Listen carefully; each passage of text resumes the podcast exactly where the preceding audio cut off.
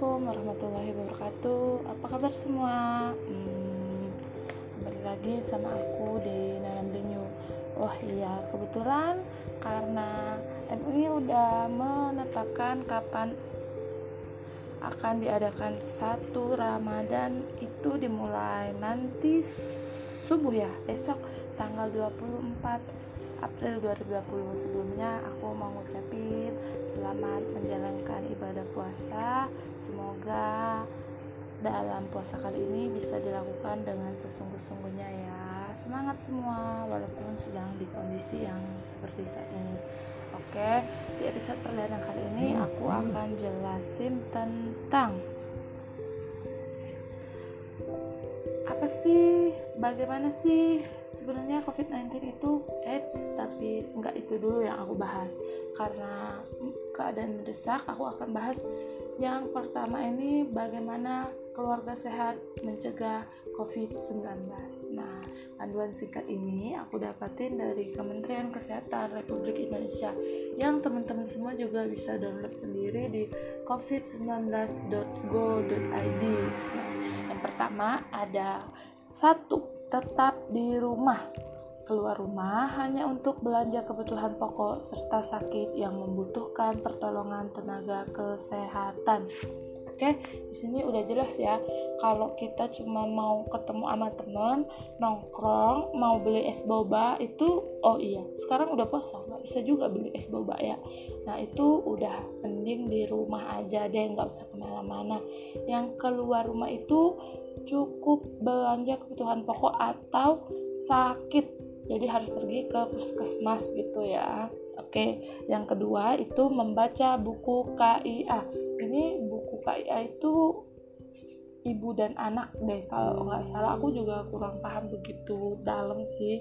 Cuman di sini dituliskan keluarga dan masyarakat agar lebih membaca buku KIA dan menerapkan dalam kehidupan sehari-hari. Tanyakanlah pada petugas kesehatan jika ada yang kurang dipahami.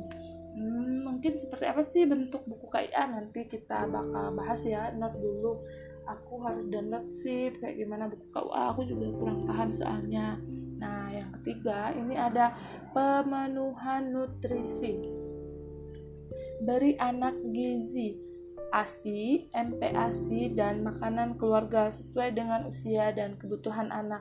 Nah, buat teman-teman yang punya adik atau punya ponakan yang masih usianya bali dan balita dan bayi maksud aku, nah itu tolong dilihat lebih concern gizinya, asinya, dan MPASI-nya. Oke, yang keempat itu ada stimulasi dan pemantauan per pertumbuhan dan perkembangan anak. Beri anak stimulasi pertumbuhan dan perkembangan, serta lakukan pemantauan dengan menggunakan buku KIA. Nah, berarti di poin kedua dan poin keempat ini saling bersenambungan untuk menerapkan keluarga yang sehat itu bisa ditanyain deh sama ibunya atau ayahnya gimana sih buku KIA itu. Nah, kemudian yang kelima, pemberian imunisasi. Sesuai dengan rekomendasi IDAI, pemberian imunisasi dasar lengkap bisa ditunda sampai dua minggu dari jadwal biasanya. Buat janji dengan petugas kesehatan agar tidak kontak dengan banyak orang, serta jangan lupa menggunakan masker. Nah, ini berarti lebih concernnya ditunjukin buat adik-adik kita yang masih bayi dan balita atau ponaan ya. Itu kalau hari ini jadwalnya imunisasi karena kondisi sekarang ini bisa ditunda maksimalnya itu sampai dua minggu gitu. Berarti kalau sekarang tanggal 23 itu sekitar tanggal 10-an gitu masih bisa untuk melakukan imunisasi. Dan jangan lupa gunakan masker. Nah ini kemarin waktu uh, eh, COVID-19 masih belum terlalu banyak yang positif, yang pakai masker cuman yang sakit aja. Nah, tapi sekarang udah kasusnya udah banyak, udah 7000 lebih gitu ya sampai tadi aku lihat. Nah, setiap warga negara siapa pun di mana pun sesuai dengan instruksi dari WHO kita itu wajib pakai masker tapi karena kita itu bukan dari golongan garda depan kita tuh pakai maskernya yang kain gitu yang bisa dipakai lagi dicuci nah kalau nggak salah itu pakai maskernya maksimal 4 jam kalau udah 4 jam itu harus di cuci dulu, direndam air panas dulu gitu biar bisa digunain lagi. Nah, seenggaknya kalau kita sebenarnya kita nggak harus sering-sering keluar gitu. Misalnya ada perlu kayak yang tadi poin satu, lah siapin lah satu orang maskernya 3 sampai 4 gitu. Nah, yang selanjutnya ada rujuk segera. Nah, ini kayaknya khusus untuk orang yang dalam pantauan atau pasien dalam pengawasan itu aku agak kebalik ya jadi agak delay gitu ngomongnya nah rujuk segera bawa ke rumah sakit jika anak mengalami demam sebatuk nyeri tenggorokan dan sesak nafas serta ada riwayat terpapar dengan penderita COVID atau perjalanan di daerah kasus COVID-19 dalam dua minggu terakhir. Nah, ini sebenarnya bukan cuma buat anak doang ya.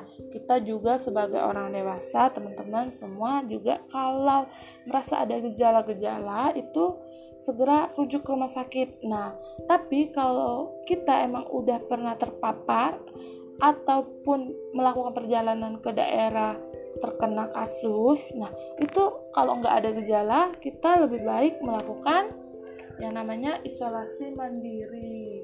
Gimana sih caranya isolasi mandiri? Nah, kebetulan sepupu aku yang baru pulang dari Bali itu melakukan isolasi mandiri selama dua minggu. Sebenarnya sekarang ini udah lebih dari dua minggu dia, tapi dia tetap melakukan isolasi karena kita nggak tahu sebenarnya dia positif apa enggak. Karena dia nggak memiliki gejala apa pun, tapi dia sudah melewati daerah yang terkena kasus COVID-19. Nah, kalau menurut teman-teman sekalian itu gimana dong? Udah tahu masih musim kayak gini, wabah gitu ya. Tapi masih sering yang mudik itu gimana? Kalau menurut pribadi aku ya nggak bisa ya ngejat seorang gimana mau mudik apa enggak gitu. Tapi alangkah lebih baiknya untuk menghindari penyebaran yang lebih banyak soal COVID-19 itu nggak usah mudik dulu deh tahun ini gitu. Soalnya toh kalau kamu pun mudik misalnya nih mudik hamin seminggu lebaran gitu tetap aja pas hari-hari lebaran kamu nggak bisa ngapain kamu harus diisolasi. Iya kalau nggak ada gejala mah isolasinya kan di rumah masing-masing gitu ya. Kalau misalnya ada gejala kamu diisolasi di tempat karantina yang nggak boleh dilihat siapa pun gitu lebih serem kan? Lebih baik nggak usah mudik dulu deh di sana. Oke yang selanjutnya itu tadi nomor 6 sekarang kita lanjut ke nomor 7 nomor 7 itu ada kondisi gawat darurat. Bawa segera anak ke rumah sakit bila sesak nafas. Diare muntah, lemas, nyeri, pendarahan, kejang atau penurunan kesadaran, demam selama tiga hari termasuk pada neonatus, kecelakaan dan keracunan, menelan benda asing dan digigit binatang berbisa.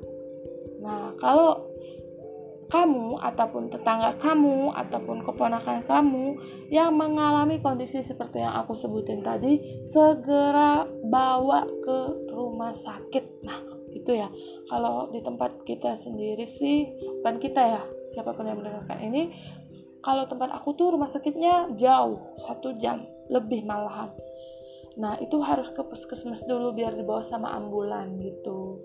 Nah, yang kedelapan, ini khusus untuk para pejuang kita di garda terdepan. Itu menggunakan alat pelindung diri. Tenaga kesehatan melindungi diri dengan APD sesuai standar dan memberi pelayanan secara lega artis. Oke, sekian dari informasi yang aku dapatin tentang keluarga sehat mencegah COVID-19. Yang terpenting. Oh masih ada nih halaman berikutnya. Ada berapa halaman sih? Oh banyak. Kirain cuma satu halaman. Oke. Yang selanjutnya itu ada lima hal penting cegah COVID-19 nah yang pertama ini dari awal COVID itu udah ada kasusnya positif di Indonesia udah sering-sering dikatain buat sering cuci tangan pakai sabun. Nah ini mencuci tangan menggunakan sabun dengan air mengalir minimal 20 detik. Nah, terus ada yang ngomong 60 detik. Terus gimana cara cuci tangan yang benar? Nah, karena ini nggak bisa ngasih video, nah aku akan jelasin.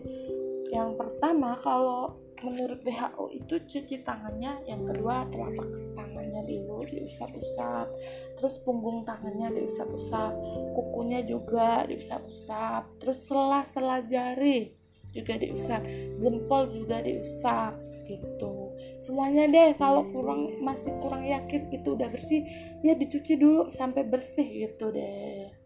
Apalagi abis keluar-keluar gimana di, dari mana gitu. Wajib lah ya.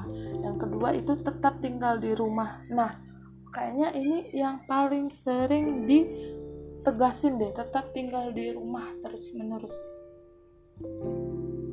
Nah, yang ketiga, jaga jarak dan hindari kerumunan.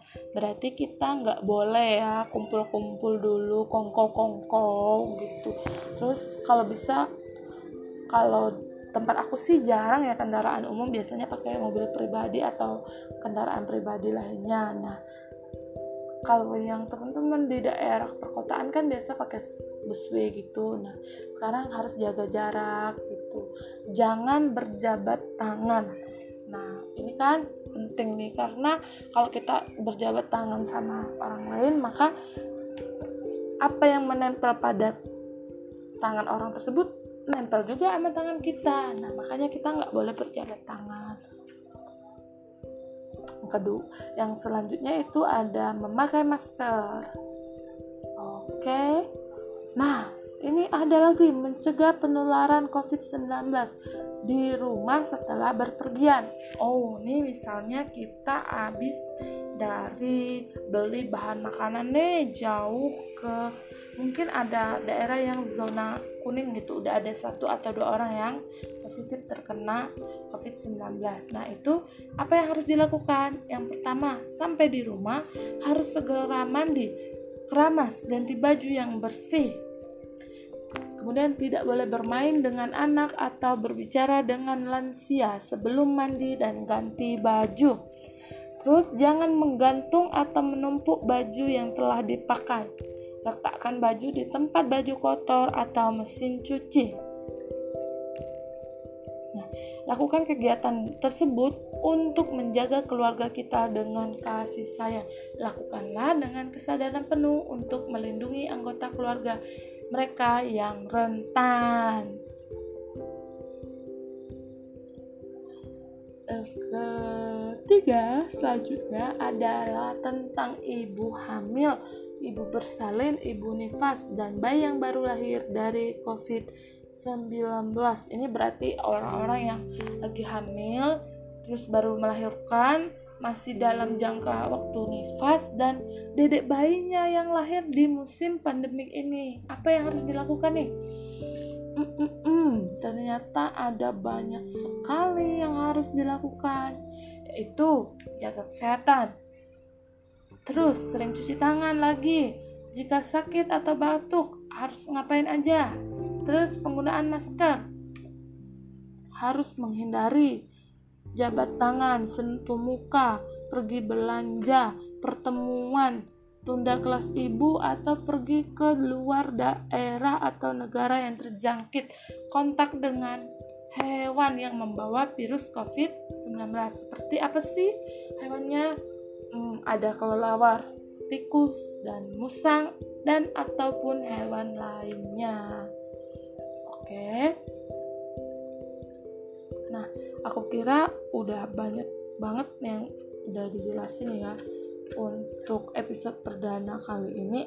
Maaf ya kalau masih ada kata-kata yang belum bisa pas gitu. Aku juga masih agak grogi gitu nggak sih? Perdana bikin podcast buat kalian.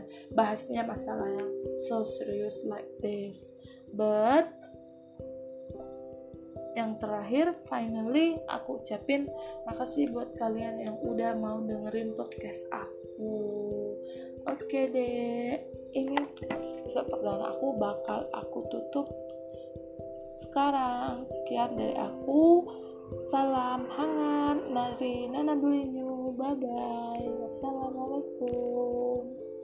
thank you